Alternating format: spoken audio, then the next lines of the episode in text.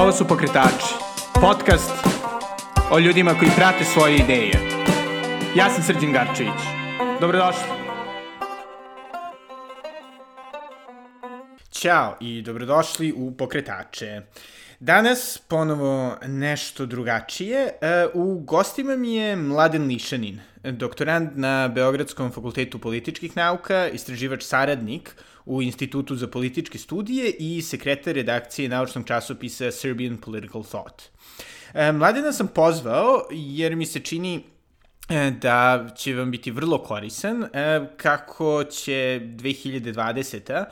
biti puna politike, od izbora u Srbiji do izbora u Americi, e, pa sam mislio da bi bilo zanimljivo čuti šta profesionalni politikolozi i istraživači međunarodne politike savetuju ne toliko e, u smislu toga šta oni misle da će da se desi ili šta misle da bi vi trebalo da radite, e, već da jednostavno čujemo način na koji e, oni uopšte razmišljaju o ovakvim problemima i na, zapravo načine na koji se taj njihov pristup razlikuje od, da kažem, bilo popularnog pristupa analitičarima koji čujete u medijima, e, bilo toga što čujete po slavama i svadbama. E, pre nego što čujete Mladena, e, zamolio bih vas da podržite thenaturaltimes.com i pokretače preko Patreona na adresi patreon.com kosacrta Belgrade. A sada, bez duženja, ovo je Mladen Lišanin. Prvo, Mladene, kako je uh, jedna osoba koja je htela da posveti u jednom trenutku, makar svoj život gitari, završila kao istraživač međunarodnih odnosa? Prvo, čini mi se da su zapravo umetnost u celini, a u ovom konkretnom slučaju muzika, mada sam ja bio i ostao veliki ljubitelj drugih grana umetnosti. E, I, i, i društveni i politički život e, neraskidivo isprepleteni, pogotovo u moderno doba. Tako da veliki broj i danas poznatih umetnika ovaj, imao je više ili manje očigledne političke inklinacije, a jedan deo ljudi koji se praktično bave politikom ima neskriveno izgrađen uh, muzički izraz, kada već konkretno pričamo o muzici, tako da to nekako već intuitivno meni ne deluje nekomplementarno. A konkretno u mom slučaju je bilo to što sam i u jednom i u drugom pravcu od nekako najranijeg detinstva imao a, usmeravanje i uzore u najužem svom okruženju, tako da je definitivno a, na jednu od te dve strane to klatno moralo da, da, da pretegne. Dakle, kuća je od kad ja pamtim ovaj, svoj život bila puna i knjiga i muzičkih instrumenta. Knjige su se najčešće odnosile na društvena i politička pitanja, na istoriju i to je nešto što se onako smatralo gotovo podrazumevajućim, nikome ni u jednom pravcu nije ciljano usmeravao, nego nekako se činilo da je to neki od tih puteva sasvim logičan i tako se i ispostavilo. Mislim da nema neke šire ili naročito kompleksne šeme ili dizajna iza, iza celog tog razvoja. Da, i, i kad si upisao, jeli, FPN, jel ti u startu bio cilj da se akademski baviš međunarodnim odnosima ili si više razmišljao kao da se eventualno praktično time baviš? Ja sam jedan od redkih, barem onoliko koliko sam ja imao priliku da upoznam ljude, uh, sa fakulteta političkih nauka, uh, uh, ja sam jedan, dakle, od redkih koji u, u najvećoj meri barem koliko smo to mogli tada da sami sebe percipiramo, dakle koji nisu imali prvobitnu nameru da se aktivno bave diplomatijom. Većina ljudi koji odlaze na fakultet političkih nauka, osim onih koji, na primjer, žele da budu novinari ili ima taj jedan specifičan smer, socijalni rad i socijalna politika, to su ljudi koji uh, planiraju da u toj branši grade karijeru, ali ljudi koji se bave uh, uh, prevashodno uh, međunarodnim odnosima, uh, planiraju da nakon fakulteta to tako barem u prvim danima tog početnog studentskog entuzijazma ovaj, većinu drži, da posle fakulteta pokušaju da pronađu svoje mesto u, u, u praktičnim diplomatskim krugovima, onda tokom fakulteta često tu dolaze razočarenja načinima na koji funkcioniše naša diplomatska selekcija i regrutacija, mnogi pronađu neke druge uh, akademske ljubavi i interesovanja, ali jedan deo naravno ostane i, i uspe da pronađe svoje mesto u diplomatiji. Čini mi se i dalje da je to ozbiljna manjina i to je jedan od problema o kojima ćemo možda kasnije malo više pričati. A ja sam se konkretno uvek malo više video u ovoj akademskoj sferi i nekako se i podrazumevalo ovaj, od prvog dana da će me više zanimati akademski rad i postdiplomske studije i sve što uz to ide, nego, nego neka vrsta stavljanja u službu uh, praktične diplomatije, pogotovo zato što je ona i s pravom u velikoj meri percipirana kao druga strana ove naše ne baš najprijatnije partijske politike. I onda je potreban jedan, onako kako da kažem, jedno otrežnjenje čoveku i jedno ono rašlanjivanje tih stvari da bi čovjek bio načisto sam sa sobom kako bi pokušao da gradi jednu nekompromitovanu profesionalnu karijeru, a da ne ostane ukaljan ovim praktično dnevno političkim uh, aspektima cele priče, dok naravno bivalo je i ljudi koji nemaju problem da se ukaljaju uh, dnevno političkim aspektima cele priče ako to otvara vrata u Karijeri diplomatskim krug. Tako je, tako je. Ali nisam gotovo ni jednom trenutku imao dileme, za razliku od većine kolega nisam se prijavljivao ni na konkurse, uh, koje su pre svega Ministarstvo spoljnih poslova i Ministarstvo odbrane kao dva najpertinentnija za nas ovaj, raspisivali. Dakle, jednostavno sam se uvek više video u akademskoj zajednici nego, nego u, u diplomatskoj i imao sam sreće i da neposredno po završetku fakulteta i pronađem takav posao i da se evo i do dan danas time bavim pošto na neki način političke nauke, međunarodni odnosi kao i ekonomija nekako zauzimaju to neko čudno mesto između humanističkih i da kažem, ovaj, prirodnih nauka ili formalizovanijih društvenih nauka, makar svakako kvantitativno, e, uvek, jeli, postoji ta neka optužba i uvek visi nad glavom. To nešto pa kao dobro, mislim, svi se time bave, ono, i moj, nemam pojma, stric na Slavi se jednako razume u, društv, ono, društvene nauke kao i ti ili, mislim, bilo da se radi o diplomati, bilo da se radi o ekonomiji. E, pa me čisto interesuje zapravo šta te je posebno privuklo tom, da kažem, naučnom aspektu u međunarodnim odnosima, a da to nije ostalo na lupom. Volim da čitam deset knjiga o rastu Kine ili, nemam pojma, uništenju da. ove Srbije. Da. Uh, pa najpre moram da kažem da, da ne treba ponekad podcenjivati ovaj, stričevu mudrost koju, koju sipa posle slavskog ručka ili večere.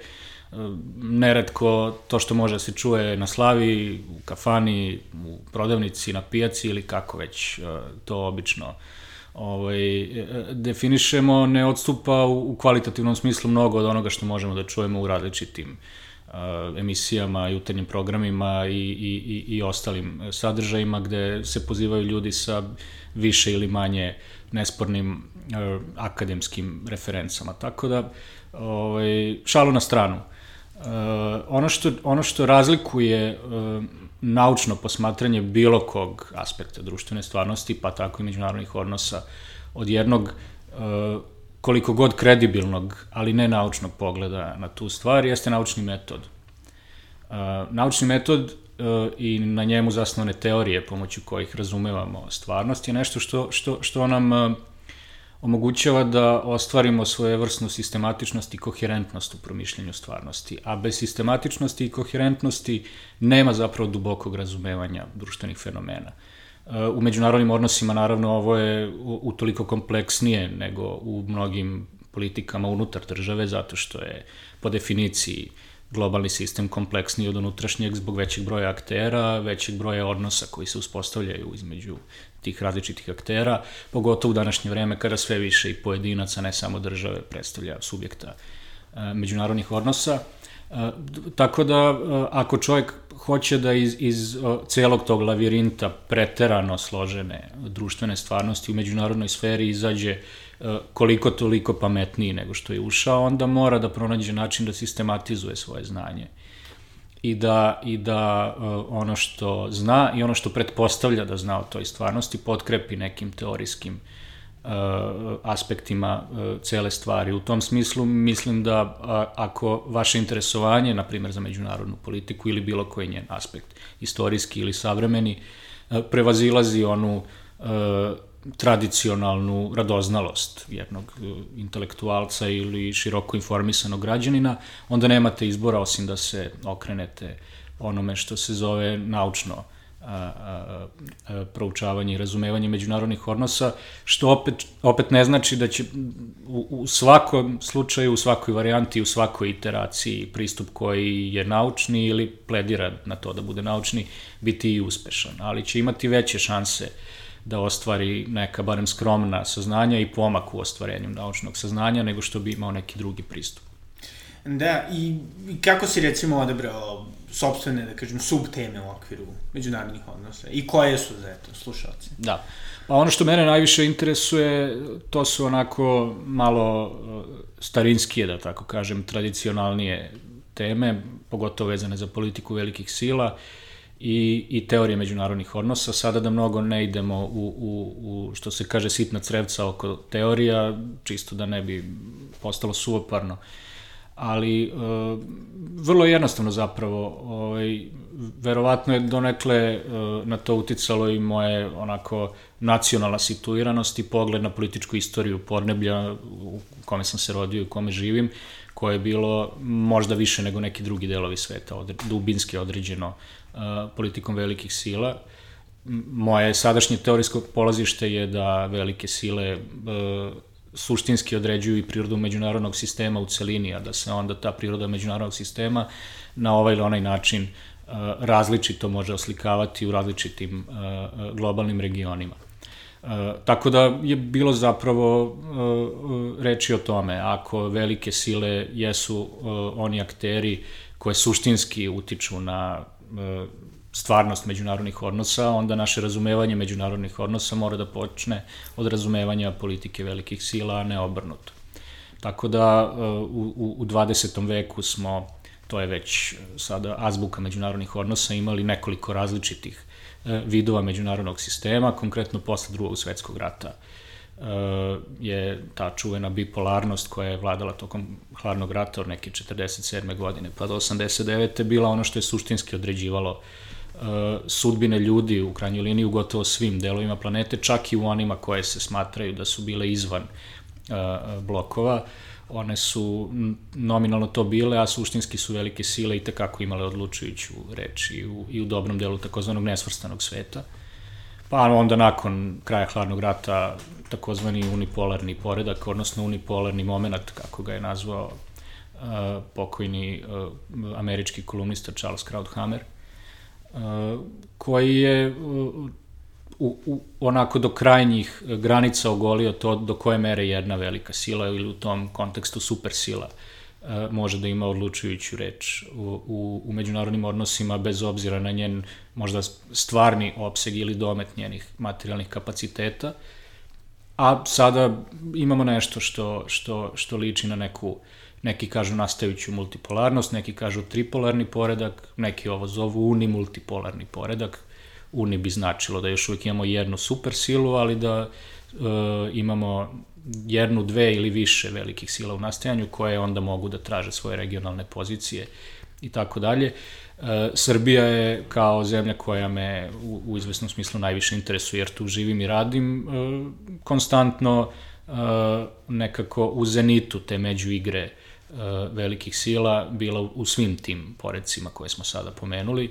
I danas ako uzmemo da a možemo to tako da uzmemo da postoje tri velike sile u savremenom međunarodnom sistemu SAD, Rusija i Kina sve tri tekako imaju politike koje se mogu gotovo opipljivo prepoznati u regionu u kojem se nalazi naša zemlja, pa u tom smislu mislim da su svi ovi izbori bili, bili potpuno logični. Dakle, ako hoćete da razumete kako nešto funkcioniše, morate da vidite koji su uzroci procesa koji u tom regionu deluju. Uzroci se najčešće traže na nivou međunarodnog sistema.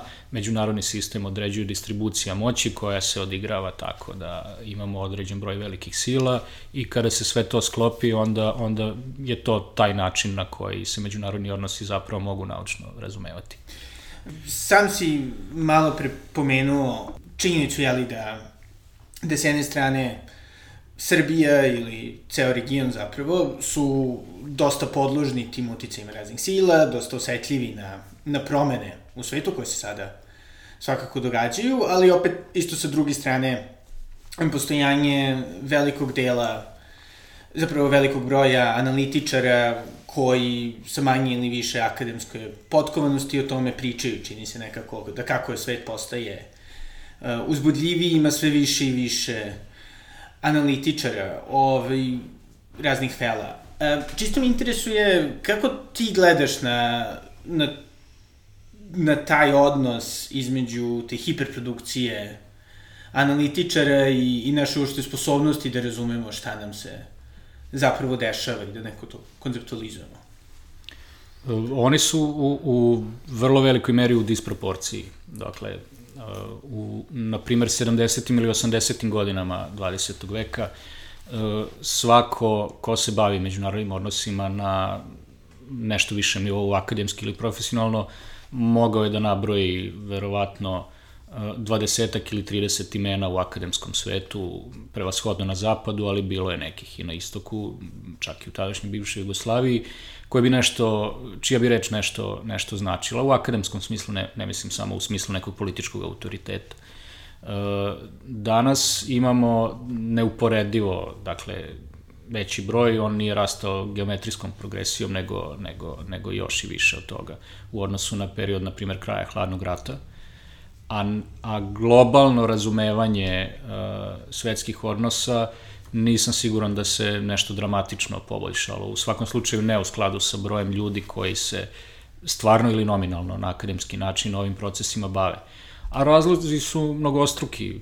Naravno, akademski svet je takav da će uh, kvantitet samo do neke mere, ali ne nužno proizvesti kvalitet naučnih istraživanja. Dakle, to što imate uh, E, veći broj, na primjer, visoko obrazovanih stanovnika, ne znači da će oni istovremeno bolje razumeti svetske procese. E, s druge strane, postoji e, nešto što je, pogotovo na zapadu, već odavno prepoznato kao jedna od, od, od ključnih tenzija vezanih za, za akademsko proučavanje međunarodnih odnosa, a to je ta frikcija između akademskog i, i praktično političkog sveta, koja je onako vrlo evidentno, naročito u zapadnim društvima, naročito u Sjedinim državama koje jesu u nekom smislu šampion nauke o međunarodnim odnosima i većina teorija kojima se danas služimo potekla je odande, ali ilustruje način na koji su uh, akademski krugovi uh, duboko institucionalno, često i personalno isprepleteni sa praktično političkim krugovima, koji su opet sa svoje strane duboko isprepleteni sa nekim drugim uh, često biznis krugovima, finansijskim, filantropskim i raznim drugim, što se na kraju svodi na, na pitanje organizacionog delovanja tih analitičara koje si pomenuo, na pitanje koliko god to bilo ružno reći novca i, i, i problematike odakle dolazi novac za istraživanja, I nažalost, mada bi to trebalo da bude sve suprotno od onoga što, čemu nauka treba da teži, e, neretko nalazi istraživanja koja e, plediraju na to da budu naučna i akademski zasnovana, e, imaju rezultate koji su direktna posledica resursa, odnosno porekla resursa koje iza tih istraživanja stoje.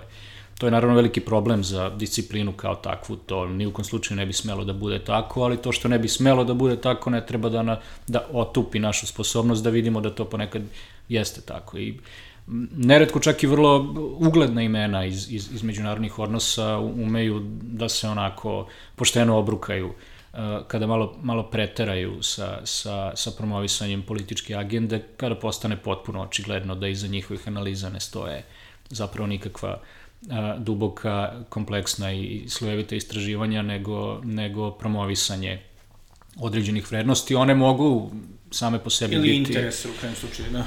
Pa ili interesa, najčešće koje god da su vrednosti u pitanju, one se najčešće u krajnjoj instanci mogu svesti na interese, što samo po sebi ponovo nije sporno i borba za, za interese je dubinsko jedno inherentno inherentni element ljudske prirode, ona ne može da se isključi e, ni na koji način, pogotovo u oblastima koje na bilo koji način se bave društvenom problematikom. Dakle, možete možda malo lakše isključiti uh, u prirodnim naukama, gde postoje nešto egzaktnije metode, neretko eksperimentalne, gde se bilo kakav društveni ljudski faktor može odstraniti iz samog istraživanja. U društvenim naukama to je po prirodi stvari nemoguće ili gotovo nemoguće i onda je uh, samo na pažljivom posmatračkom oku da razazna i raspetlja situacije u kojima društveni, a ne naučni aspekti igraju manju ili veću ulogu u načinima na koji se, na koje se istraživanja koncipiraju i sprovode. Da, i ono što je isto problem u, u tom, da kažem, mešanju da kažem, praktičnih interesa i jeli, akademskog istraživanja, to je zato što isto utiče dosta i na to koliko smo slobodni da diskutujemo o nečemu i koliko se nešto ovaj, smatra činjenicom. U kojoj meri misliš da je to to prisutno u, u, ovaj, u jeli, međunarodnim odnosima, političkim naukama uopšte? Pa jako je prisutno. To nije čak ni sporno. Mislim da to nije sporno uh, uh, čak ni onim ljudima koje bismo sad ovde mogli označiti kao, kao počinioce u, takvim ovaj, uh, u takvim nesrećnim situacijama. Dakle, kao, kao što smo rekli malo pre, ovaj, istraživanja, naučna istraživanja, naročito u oblasti međunarodnih odnosa, a to ima svoju posebnu iteraciju u nešto manje razvijenim zemljama kako je Srbija, kasnije ćemo doći do toga kako se ova problematika oslikava e, u našem konkretnom kontekstu, ali ona dakle e, nisu odvojena od društva, nisu odvojena od, od borbe za, za uticaj u društvu i za, i za ostvarenje partikularnih interesa.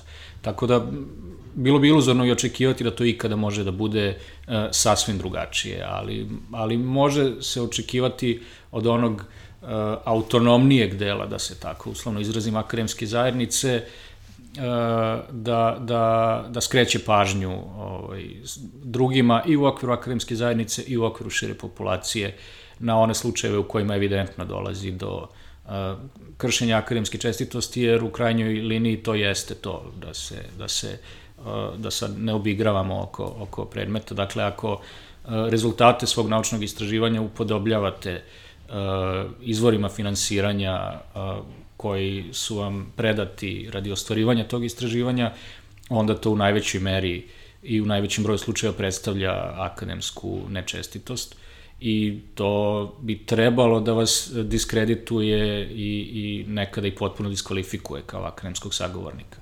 To naravno nije uvek tako, niti može uvek da bude tako. Već zapravo vrlo često se dešava obrnuto, gde ljudi koji imaju, da kažem, fake akademske radove sa vrlo jasnim interesima se trude da diskredituju ljude koji su zapravo autonomni. Tu, tu postoji još veća opasnost. Kod fake akademskih radova je situacija jasna i tu je malo teže fingirati akademski autoritet. Uh, najveći problemi nastaju tamo gde se autori koji jesu uh, etablirani u nekom trenutku i u nekoj oblasti uh, sa već relativno izgrađenim imenom i reputacijom stavljaju u službu uh, E, političkih interesa i to opet ne na način koji ne bi temeljno ugrozio njihova, njihovu akademsku i profesionalnu reputaciju, nego upravo suprotno. I primjera je bezbroj. Čak i u naj, naj više rangiranim institucijama koje se bave ovom problematikom. I jedan od svežih slučajeva je Savet za, za spoljne poslove u Sjedinim američkim državama, koji jeste, uprko svim kontroverzama koje ga prate, i dan danas jedna od najuglednijih institucija koje se bave međunarodnim odnosima i praktično politički i akademski. Uh, Richard Haas, njihov direktor koji je bio nedavno i, i u Beogradu na promociji svoje knjige, uh, izazvao je totalni šok čak i među ljudima koji su uh, njegovi politički istomišljenici pre jednu godinu i po dana uh, na Twitteru, naravno, jer se dobar deo akademske razmene danas odvija na Twitteru, naročito globalno gledano, i mislim da je to dobro. Tvitno je o, o ruskoj aneksiji Krima koja nesporno predstavlja kršenje međunarodnog prava, niko ozbiljan ne može to da osporava i to nije ni sporno, ali, ali on je tvitnuo na način da je svoj akademski autoritet stavio u službu jednog potpuno bizarnog pogleda na ulogu Rusije u međunarodnim odnosima. A to je formulisao tako da je napisao doslovce od 1648. godine i kraja 30-godišnjeg rata, dakle od Vesfalskog mira, postojao je sistem suverenih država u kome se podrazumevalo da nema mešanja u, međunarod, u, u unutrašnje stvari drugih država u međunarodnim odnosima, a onda je Rusija uh, anektirala Krim i, i, i srušila tu normu koja je postojala kao, kao neosporiva 350 godina. Ne vidim što je tu sporno. To je, to je zaista izazvalo uh, to, toliki šok uh, i, i, i, i toliko jednu, jednu uh, re, reakciju koja zapravo se svodila na ovo što si ti sad rekao. Dakle, većina ljudi zaista mogla samo da se ili, ili onako kiselo našali ili da zaćuti pred time. Dakle, to je nešto što bi se možda očekivalo od, od, od nekog uh, promotera neke konkretne političke agende, na primjer u Ukrajini, nekog političara koji bi to rekao u, u žaru političke borbe i tad bi to bilo u solidnoj meri bizarno, ali bi Razumljivo. bilo donekle razumljivo, jer to je ono što se u političkim razmenama i radi. Kada imaš uh, ovakvu vrstu instituci, institucionalne pa i akademske pozadine iza sebe, onda je to nešto što sebi ne bi trebalo da dozvoljavaš. Ima primere naravno i na drugim stranama da sad ne, ne ispadne Richard Haas, najgrbaviji od svih, ima ih i, i, i u Evropi i u Rusiji naravno, ali su e, decenijama sa solidnim argumentima e, institucije Sjedinih država važile za najuglednije u oblasti akademskog izučavanja međunarodnih odnosa. Pa kad sa tih adresa stigne ovako neki bizarni pogled, onda se zaista čovek dosta zapita, malo i retroaktivno možda, ovaj, kako, kako je to sve izgledalo u vreme, na primer, uh, duboke podele tokom hladnog rata i vremena kada je početkom 60-ih, na primer, svet bio na ivici nuklearnog sukoba supersila.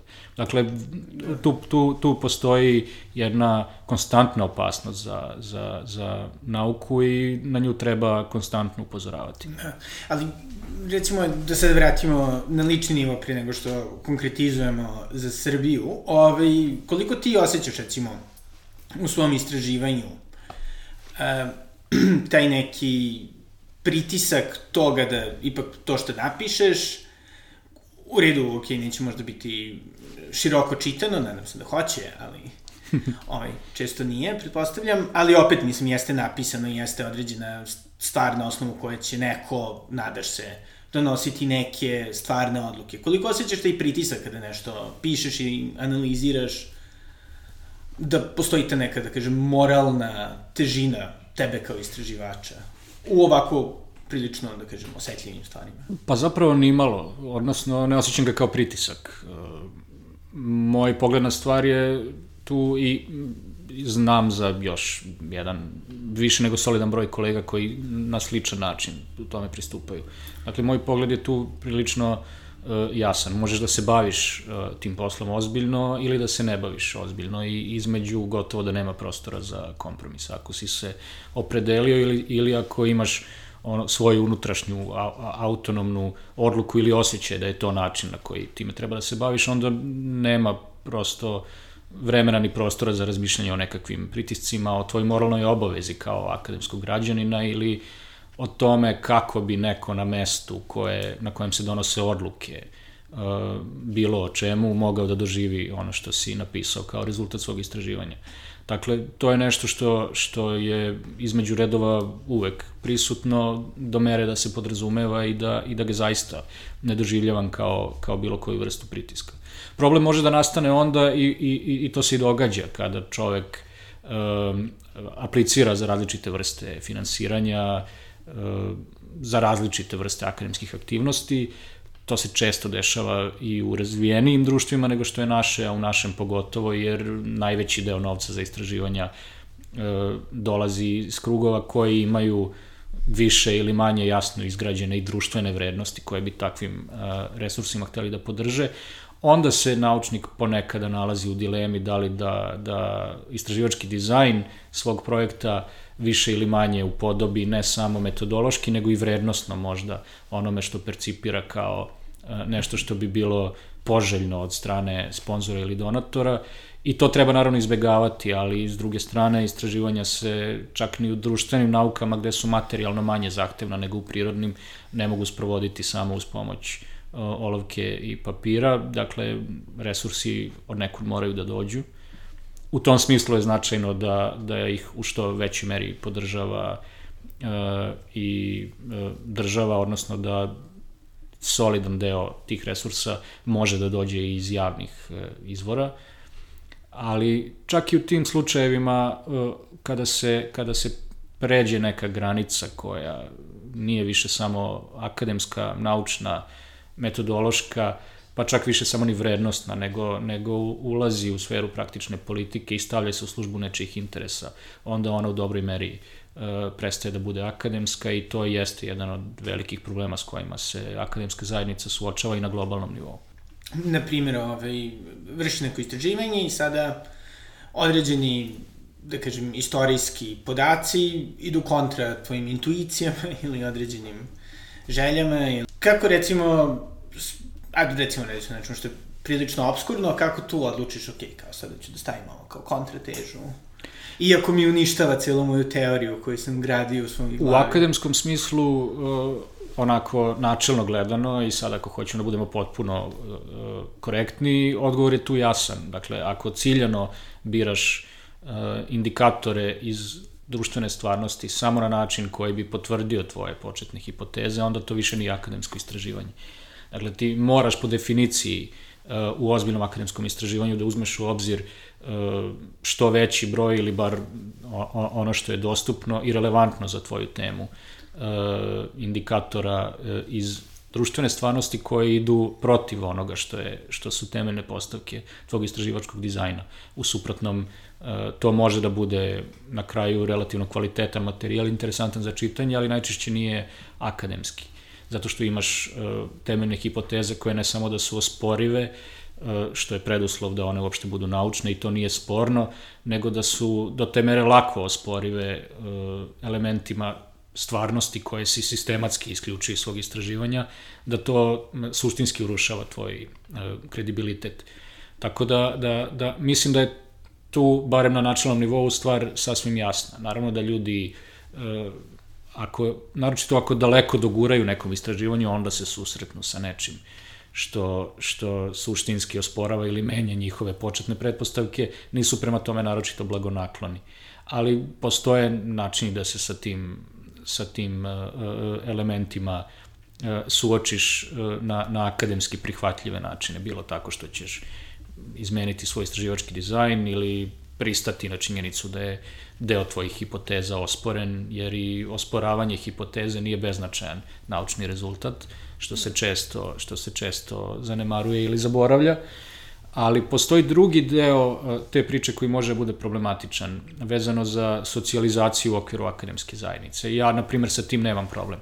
Odem neretko na konferenciju, naročito u inostranstvo, gde ću biti svesno jedini koji će promovisati jednu vrstu e, teorija, jednu vrstu istraživačkog dizajna i neke hipoteze koje, za koje znam da će zaparati veliki broj ušiju, ali smatram ih dovoljno akademski održivim e, da mogu s punim pravom da, da stanem iza njih.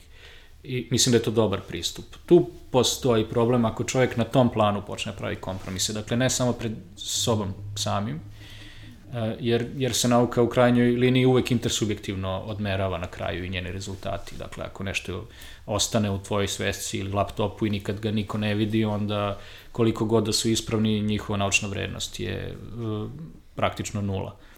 Uh, dakle, kad počneš da praviš kompromise ne samo u odnosu na svoj autonomni osjećaj, nego u odnosu na neku tvoju percipiranu mogućnost za socijalizaciju u odnosu akademske zajednice, pa da upodobljavaš svoje rezultate Uh, onome što smatraš da će naići na bolji odjek u već etabliranim krugovima akademske zajednice, umesto da iznosiš nekada i namerno kontroverzne stavove da dovodiš u pitanje konvencionalne mudrosti, onda je to takođe jedan od velikih problema i jedan od problema koji dubinski inhibiraju mogućnosti naučnog napretka. Sada si pomenuo taj problem da je, jeli, ukoliko ono, sve ostane u tvojoj sveščici ili laptopu, gotovo da nema ni smisla baviti se istraživanjem. I čini mi se da, da je jedan veliki problem u Srbiji zato što te naučnije i svakako nijansiranije poglede na bilo, da kažem, dnevno-političke događaje ili, da kažem, dnevno-spoljno-političke događaje, e, ali takođe i na neke, da kažem, fundamentalne načine kako uopšte o njima razmišljati i zapravo ne postoje i nekako čini se da postoji ta neka preznina koju bi mogli da upotpune istraživači kao ti. Ove, koliko misliš da, da se akademska zajednica, pogotovo da kažem, politikolozi i istraživači međunarodnih odnosa, trude u Srbiji da iskomuniciraju svoja neka nijansirana naučna viđenja široj javnosti? Pa ovde sad moram u, izvesnoj meri da stanem u odbranu struke. E, iz mog iskustva trude se u solidnoj meri. E, znam za zaista vrlo veliki broj ljudi koji u domaćim i međunarodnim okvirima e, predstavljaju već prepoznatljiva imena i, i, i čak i ako nisu unapred prepoznatljivi kao imena, nude neku vrstu e, inovativnih pogleda na probleme koje, koje obrađuju. Problem je što e, ta komunikacija silom prilika u, u najvećoj meri ostaje unutar akademske zajednice i vrlo malo vidljiva izvan, izvan uh, zidova akademske zajednice. I to je onaj čuveni problem koji je takođe prepoznat i u društvima gde je to manji problem nego kod nas, Eh, kako da, da, da društvenog naučnika spustimo sa poslovične kule od slonovače. Dakle, on možda vidi eh, razne procese mnogo bolje i ume da ponudi objašnjenja, ali, ali njegova eh, terminologija, vokabular i, i ta jedna nekada i suoparna akademska nomenklatura i sve što uz to ide, nekada jednostavno nisu prijemčivi ne samo najširoj populaciji, koji dobrim delom ove stvari ne moraju ni da zanimaju, nego i donosiocima političkih odluka, na primjer, koji bi neretko mogli da imaju i konkretnih koristi u, u svojstvu donosilaca odluka, time bi konkretne koristi moglo da ima i društvo u celini, e, kada govorimo o društvenim naukama, naravno. O, ali se neretko ni to ne dešava i tu, tu je ono zapravo gde nastaje problem, ali krivicu za taj problem čini mi se čak i u nešto manjoj meri snose sami pripadnici akademske zajednice, a nešto više uh, oni koji bi trebalo da njihove poruke ili, ili prime ili dalje distribuiraju. I tu mislim i na, i na medije, a i na donosioce odluka koji neretko i lično znam za takve slučajeve, neću ih pominjati, i kad traže akademski zasnovanu analizu nekog posebnog problema ili politike i dobiju je, onda dalje po tome ne postupaju ni na koji način. Tako da, e, taj problem postoji kao problem, ali čini mi se da većina pojedinosti vezanih za to zapravo ne potiču iz same akademske zajednice, nego iz nekih drugih društvenih Da. Znači, znači nije zato što ovaj, e, sjajni istraživači kao ti ne žele da sede na kanapeu raznih televizija i pričaju ovaj, o međunarodnim odnosima da su naši glumci ili ovaj, pevači prinuđeni da pričaju o odnosima. Ba, naravno da nije. Srbije, Kine, Srbije, Evropske unije i sličnoga, nego... Problemu Kosova, da. Da. Pa nije, nije tako. Mislim, da sad budem i tu potpuno iskren, neki od nas, uključujući i mene lično, imali su prilike, nemali broj puta, da se, da se čuju i, i vide u medijima. Jedino što Uh, dešava se da, da, da, da neko od ljudi koji se na vrlo ozbiljan akademski način bave međunarodnim odnosima ili nekim aspektom međunarodnih odnosa ode na poslovično kanabe, fotelju ili barsku stolicu, a da onda dobija takvu vrstu pitanja za koju novinari i urednici možda smatraju da su publici interesantnija, a koji zapravo nisu ono što suštinski pogađa jezgro same problematike i onda, onda ste tu u, u, u, da tako kažem, nebranom grožđu nije lepo otići negde i odgovarati nešto drugo, a ne ono što vas pitaju, ali vaši odgovori dugoročno i strateški gledano možda ne ostavljaju nekog dubokog traga ni na one koji vas slušaju, a naročito na nekog ko bi trebalo u idealnom svetu da od vas čuje nešto pametno i da na osnovu toga donese ili promisli neku odluku. S druge strane, moram da kažem da sam imao lično i pozitivnih iskustava, da ne bude sve uvek uh, samo, samo, da. samo najgore. Bilo je uh, u Srbiji i naučnih konferencija koje su organizovane u saradnji uh, akademske zajednice i, na primjer, ministarstava koje se resorno bave problematikom koja je nama bliska i gde smo mogli svojim očima da vidimo da su barem na deklarativnom nivou e, neke od preporuka akademske zajednice usvajane u kasnijoj, e, na primjer, diplomatskoj praksi. Ja sam lično imao prilike da, da, da, da budem u takvoj situaciji, ali to je vrlo, vrlo mali broj slučajeva i odnosno na ukupnu aktivnost naše akademske zajednice koja uprko svim poteškoćama zapravo nije uopšte mala, njen, kako se to tradicionalno srpski kaže, impakt na, na, na, na društvene e, tokove i na posebne javne politike, među koje spada i spoljna politika, zapravo je zanemarljivo mali i to jeste nešto na čemu bi moralo da se radi ako mislimo da napreduju i akademska zajednica i, i, i politički krugovi. Da, I kako je ovo uglavnom, jeli, proaktivni podcast koji se trudi da ljude motiviše da nešto rade, šta bi recimo ti voleo da vidiš kao praksu, bilo od strane medija, bilo od strane institucija, da bi bolje nekako mogli da iskoriste akademske istraživanje i akademsku zajednicu? Pa stvari su zapravo tu vrlo jasne, ne moram mnogo ni da razmišljam da bih ti odgovorio. Sa strane medija, uz sav rizik da ovo bude uh, shvaćeno kao uh, neka vrsta poziva na ugrožavanje nečije slobode govora, čega se gnušam inače. Ja sam zagovornik čak i za evropske standarde apsolutne slobode govora do neukusa sve, dok ona ne podrazumeva otvorene Ovi pozive. Ovi će biti isečen, slušalci. Pretpostavljam, ali, ali da probam. Dakle, sve dok nešto ne poziva na, na otvoreno nasilje, ja sam a, pobornik toga da, da se svako mora omogućiti da se izrazi. Uh, kad si novinar ili urednik, e, onda naravno to postaje floskula, sloboda govora je u redu, ali imaš odgovornost da na određeni način formulišeš uh, i koncipiraš sadržaje koje ćeš ponuditi. I sada ozbiljne uh, ozbiljni mediji, naročito se to odnosi na televizije, jer su one verovatno ključni mediji kod nas.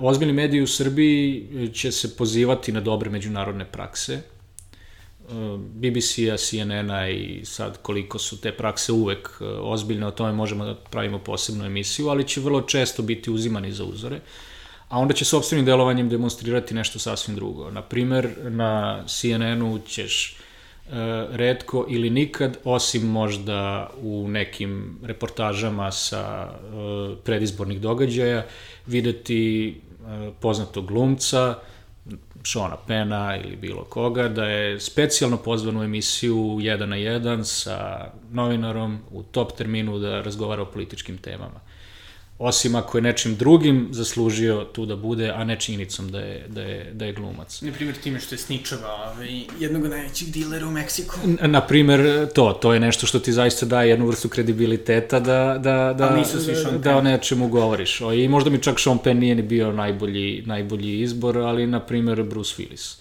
O, dakle, ili čak neki glumci nižeg ranga.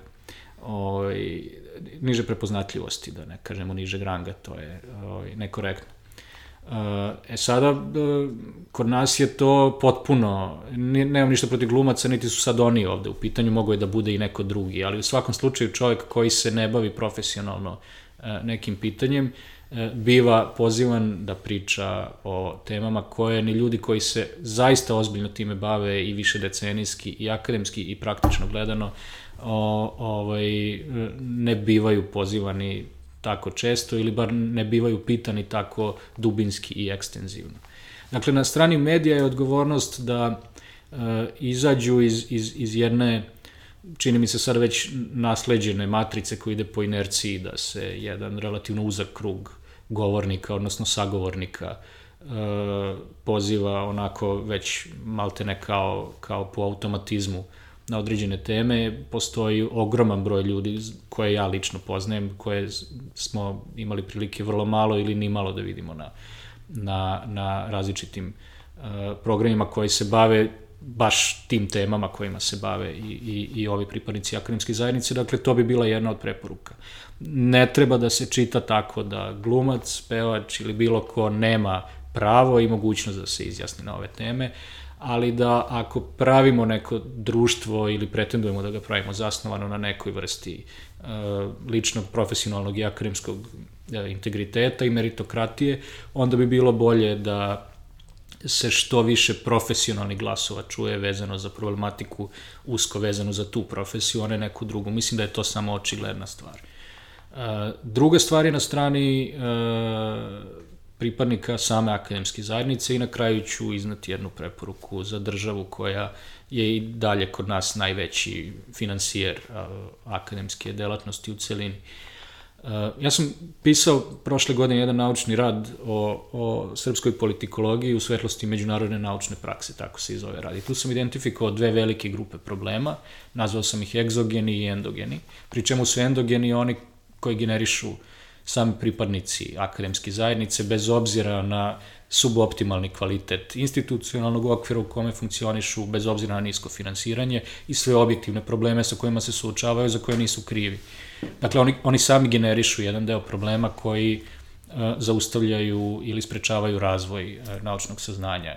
Uh, jedan od toga je akademska čestitost postoje brojni problemi, ne samo ovi najvidljiviji vezani za političare i ove slučajeve koji su onako medijski probitačni, postoje problemi vezani za akademsku čestitost i danas i unutar same akademske zajednice.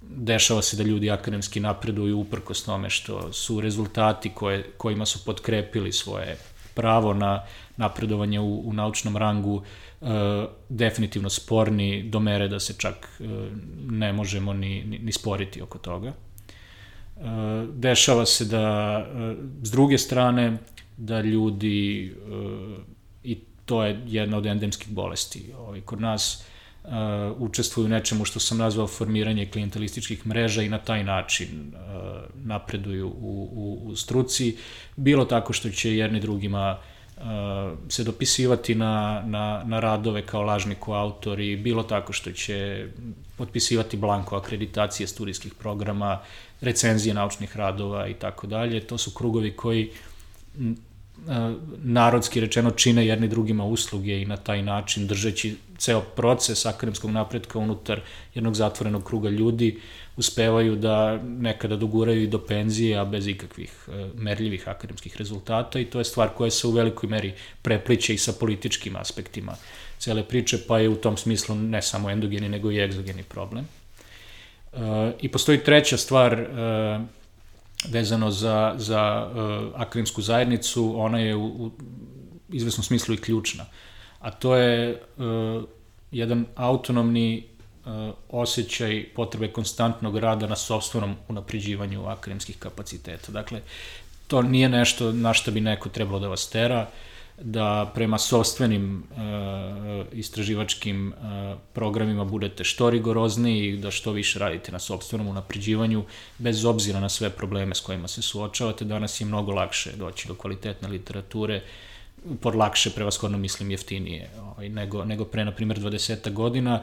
Dobar deo pripadnika akademske zajednice iz ovih ili onih razloga ne koristi uh, sve blagodeti savremenog sveta u tom pogledu uh, i dan danas i mislim da je to nešto čime bi na jedan relativno jednostavan način mogli, bi, mo, mogli da, da potkrepe svoje uh, akademske uh, ovako performanse i, i, i, i, i celokupne ovaj, profile. E sad, da se osvrnem i na državu kao generatora najvećeg dela tih egzogenih problema vezanih za nauku. E, tu postoje dve osnovne e, problematike. Jedna je e, naš institucionalni okvir funkcionisanja i finansiranja naučnog rada koji je na nivou skandaloznog već prethodnih 20 godina, uprkos različitim iteracijama u kojima je oprobavan kao da ne postoji rešenje. Od ove godine smo dobili radikalno promenjen, e, promenjenu institucionalnu strukturu e, finansiranja akademskog rada. Već smo od januara 2020. počeli da se suočavamo sa prvim skandalima vezanim za neke konkurse Ministarstva prosvete, nauke i tehnološkog razvoja. To je bilo u većini segmenta akademske zajednice i očekivano dijalog između akademske zajednice i ljudi koji o njima odlučuju u resornom ministarstvu nije na nivou na kojem bi trebalo da bude i na tome mora ozbiljno da se radi, ne samo tako što će se mnogo papira i mnogo vremena na to potrošiti, nego što će e, se neka sadržina dati svemu tome. I drugi nivo je ovaj koji zapravo e, e, je nešto što, što, što je prisutno između redova u svemu ovome drugom što smo pomenuli, a to je finansiranje. Dakle, ukupno finansiranje za istraživanje i razvoj, to je onako generički pojam za, za sve što podrazumeva istraživanje, bilo da su naučna ili više e, tržišno uh, usmerena. Uh, ukupni procenat BDP-a koji se u Srbiji izdvaja za, za takve aktivnosti je otprilike duplo niži nego što je prosek Evropske unije. A prosek Evropske unije već nije nešto što predstavlja svetski vrh, jer, u, jer i u samoj Evropskoj uniji ima zemalja koje tu bolje ili lošije stoje. Naš nivo je, na primer, tri, skoro tri puta veći od nečega što se smatra svetskim vrhom, a to su zemlje članice OECD-a. Tri puta manji. Da je tri puta manji, da je tri puta veći, oj, sasvim bi drugačije izgledala ova naša emisija. Uh, i, I to su neke, neke stvari gde male, apsolutne brojke u budžetskim izdvajanjima proizvode uh, ogromne, potencijalno ogromne razlike u u uh, akademskim outputima. Dakle, kad kažem da je, da je, da je ovo tri puta manje od uh, OECD proseka, to konkretnim brojkama znači da je u Srbiji to oko 1% BDP-a svake godine.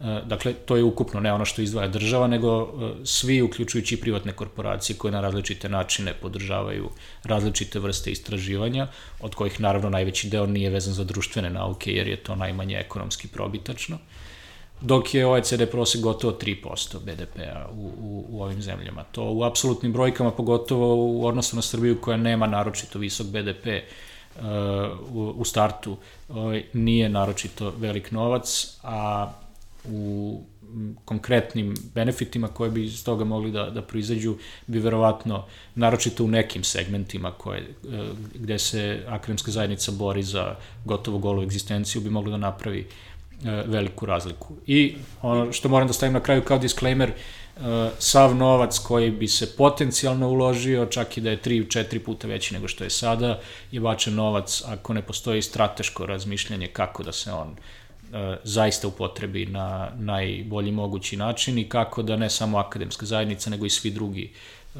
od naučne delatnosti imaju što veću korist, ne samo materijalnu, nego i da. duhovnu. Da, da. da. I, i evo sada za, za sam kraj, šta bi savjetovao ljudima koji žele da više nauče o međunarodnim odnosima, a da to nije zapravo isključivo sa svadbarskih ovaj, ručkova i slavskih večera? Da. Pa nekoliko ovako načelnih, načelnih saveta. Jedna stvar je da uprkos generalno sumnjivom kvalitetu dobrog dela čak i uglednih medija, nažalost, u 21. veku. E, svako ko pledira da se profesionalno bavi međunarodnim odnosima mora da prati. E, poželjno je i što veći broj medija sa različitih meridijana, dakle, nikako mnogo praćenja medija iz samo jednog ili dva izvora, onda ćete zateći sebe kako po, po ceo dan uh, ovaj, refreshujete sajt CNN-a, Politika ili neke treće. Artija. Na primer, Artija ili China Daily-a u ostalom, ali to nije ono što će vam uh, u nekoj triangulaciji dati je relativno pouzdanu sliku međunarodne stvarnosti. Dakle, pošto smo već pomenjali da se broj aktera u međunarodnim odnosima uh, povećao, onda silom prilika potrebno je pratiti i što više medija iz različitih izvora i geografski i ideološki posmatran. Drugi deo te priče je naravno ako imate veći broj aktera onda i nešto veći broj jezika se koristi u međunarodnoj stvarnosti, dakle nije loše osim engleskog koji svako već mora da govori ako planira ozbiljno da se bavi naukom, znati barem površno uh, na nivou bilo kakve upotrebljivosti, bar još jedan e, veliki jezik. Ne znači da nužno morate da učite kineski, ako Kina definitivno postaje jedan od e, dva najvažnija aktera u, globalnoj areni, ali je dosta dobro da proširite svoje poglede i nešto izvan anglosfere, koja jeste i dalje ključni lokus i političke i akademske snage u međunarodnim odnosima, ali to ne mora nužno zauvek da ostane tako i bolje je da spremni dočekate e, to vreme.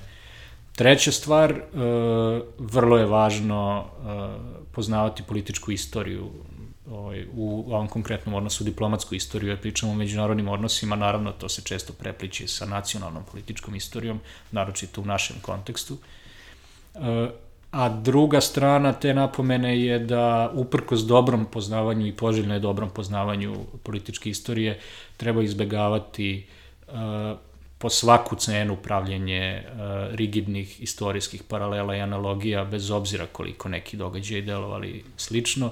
Dakle, oni mogu da nam daju neke smernice i važne informacije o tome kako razumevati e, savremeni svet, ali ne postoje dva događaja u istoriji koja su dovoljno slična da ih na potpuno isti način možemo razumevati i, i, i tumačiti.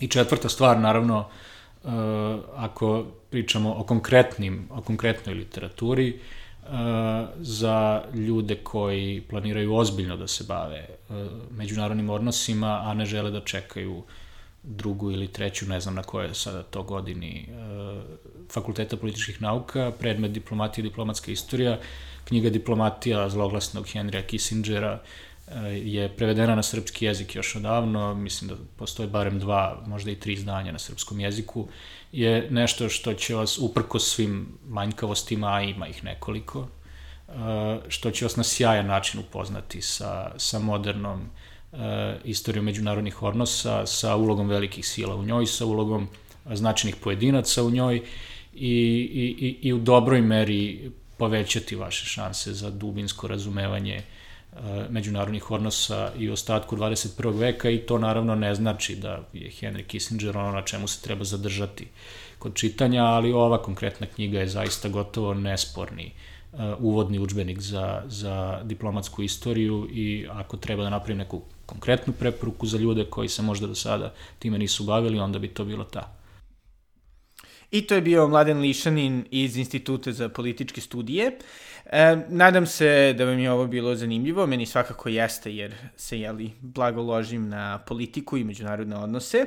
E, takođe se nadam da ćete Mladenove uvide najbolje iskoristiti da pobedite u debatama na slavama, svadbama ili ovaj, u nekom random baru.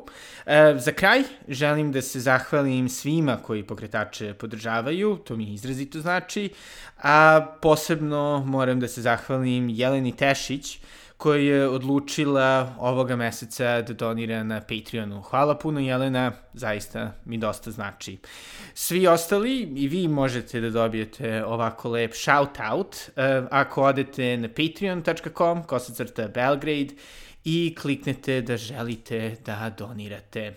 Do sledećeg slušanja, doviđenja.